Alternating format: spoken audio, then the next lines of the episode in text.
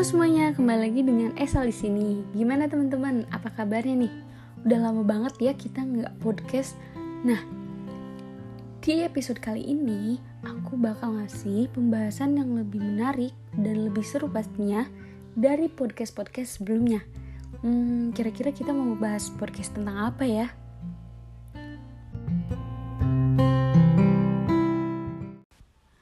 Nah, langsung aja nih. Kira-kira apa sih yang mau kita bahas di podcast kali ini?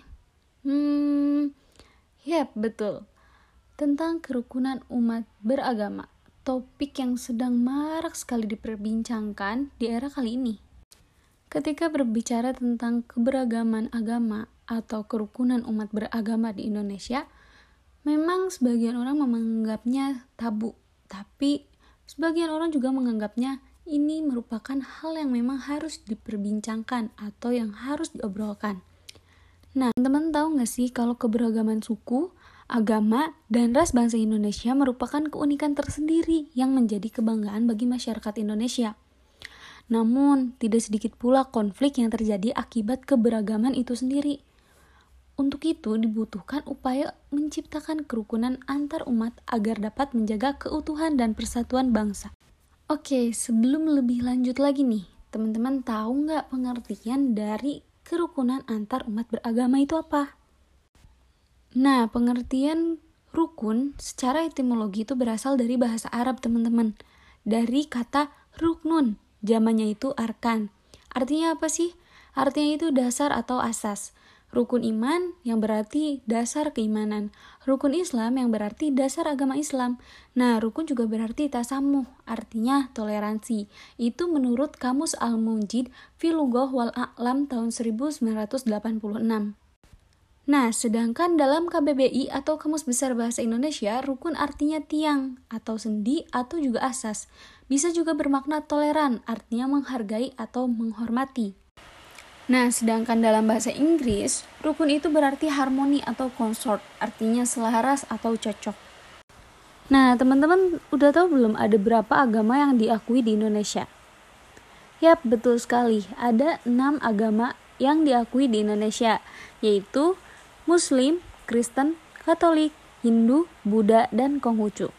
Oke, kita balik lagi ke topik pembahasan tentang kerukunan umat beragama ya teman-teman. Nah, bagi saya sendiri, kerukunan umat beragama itu merupakan suatu keadaan atau kondisi kehidupan umat beragama yang berinteraksi secara harmonis, toleran, damai, saling menghargai, dan menghormati perbedaan agama dan kebebasan menjalankan ibadah masing-masing.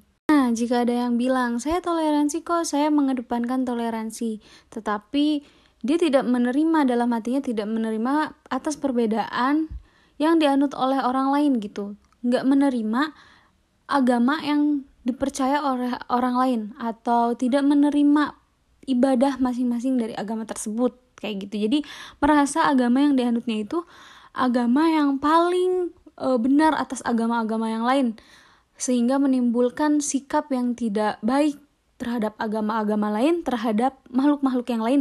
Nah apakah itu disebut kerukunan umat beragama? Oh tentu tidak karena dalam kerukunan umat beragama, interaksi tersebut tidak merendahkan agama satu atas agama yang lainnya. Nah, tidak mencampur adukan dan melanggar norma-norma agama juga. Bekerja sama dalam membangun masyarakat dengan prinsip saling bahu-membahu dan sama-sama mengambil manfaat dari eksistensi bersama dalam mencapai tujuan bersama bangsa dan negara Republik Indonesia berdasarkan Pancasila dan Undang-Undang Dasar negara Republik Indonesia tahun 1945 itu merupakan kerukunan umat beragama. Nah, oke, okay, selanjutnya ketika kita membahas tentang kerukunan umat beragama, pasti kita tidak asing dengan kata toleransi. Ya, karena itu adalah poin penting, poin utama dalam kerukunan umat beragama, toleransi. Nah, teman-teman tahu nggak toleransi itu apa? Toleransi dalam Islam adalah konsep modern untuk menggambarkan sikap saling menghormati dan saling bekerja sama di antara kelompok-kelompok masyarakat yang berbeda baik secara etnis, bahasa, budaya, politik maupun agama. Nah, teman-teman, kita sebagai umat muslim tentunya tahu dong konsep toleransi dalam Islam itu seperti apa. Ya, benar sekali. Tidak ada paksaan dalam beragama. Bagi kalian agama kalian dan bagi kami agama kami.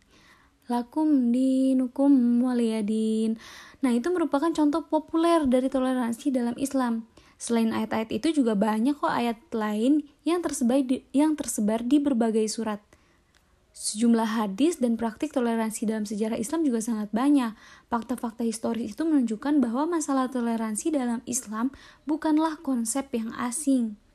Nah, toleransi juga merupakan bagian integral dalam Islam itu sendiri yang detail-detailnya kemudian dirumuskan oleh para ulama dalam karya-karya tafsir mereka. Duh, keren banget ya. Nah, salah satu fakta historis toleransi yang terjadi di zaman Nabi yaitu Piagam Madinah. Teman-teman tahu tentang Piagam Madinah?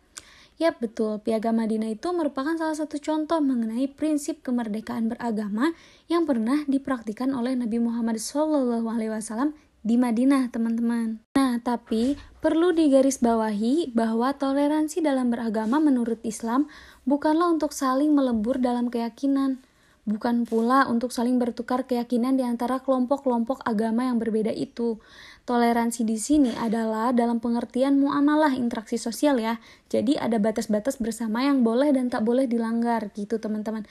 Nah inilah esensi toleransi di mana masing-masing pihak untuk mengendalikan diri dan menyediakan ruang untuk saling menghormati keunikannya masing-masing tanpa merasa terancam keyakinannya maupun hak-haknya.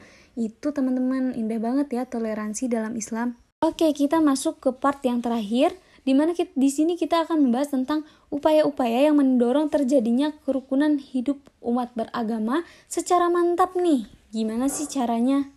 Yang pertama itu kita bisa memperkuat dasar-dasar kerukunan internal dan antar umat beragama serta antar umat beragama dengan pemerintah. Yang kedua, kita bisa membangun harmoni sosial dan persatuan nasional dalam bentuk upaya mendorong dan mengarahkan seluruh umat beragama untuk hidup rukun dalam bingkai teologi dan implementasi dalam menciptakan kebersamaan dan sikap toleransi. Selanjutnya, menciptakan suasana kehidupan beragama yang kondusif dalam rangka memantapkan pendalaman dan penghayatan agama serta pengalaman agama yang mendukung bagi pembinaan kerukunan hidup intern dan umat beragama. Nah, kemudian kita juga bisa melakukan eksplorasi secara luas nih tentang pentingnya nilai-nilai kemanusiaan dari seluruh keyakinan plural umat manusia yang fungsinya dijadikan sebagai pedoman bersama dalam melaksanakan prinsip-prinsip berpolitik dan berinteraksi sosial satu sama lainnya dengan memperlihatkan adanya sikap keteladanan.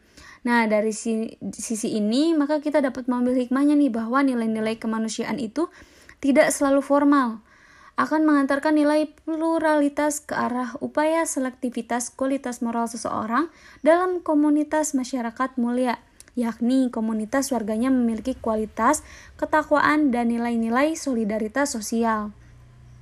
Selanjutnya juga kita bisa menyadari bahwa perbedaan adalah suatu realita dalam kehidupan bermasyarakat. Oleh sebab itu, hendaknya hal ini dijadikan mozaik yang dapat memperindah fenomena kehidupan beragama. Nah, kemudian kita juga bisa menempatkan cinta dan kasih dalam kehidupan umat beragama dengan cara menghilangkan rasa saling curiga terhadap pemeluk agama lain. Paham kan maksudnya? Nah, sehingga akan tercipta nih suasana kerukunan yang manusiawi tanpa dipengaruhi oleh faktor-faktor tertentu. Oke, okay, last, kita bisa melakukan pendalaman nilai-nilai spiritual yang implementatif bagi kemanusiaan yang mengarahkan kepada nilai-nilai ketuhanan agar tidak terjadi penyimpangan-penyimpangan nilai-nilai sosial kemasyarakatan maupun sosial keagamaan. Nah, teman-teman ada suatu slogan nih. Katanya, setiap agama itu diajarkan pada hal kebaikan. Tidak ada satupun agama yang mengajarkan atau yang mengarahkan pada hal-hal yang buruk. Jadi, kita tinggal saling menghormati aja dan saling menghargai ya teman-teman.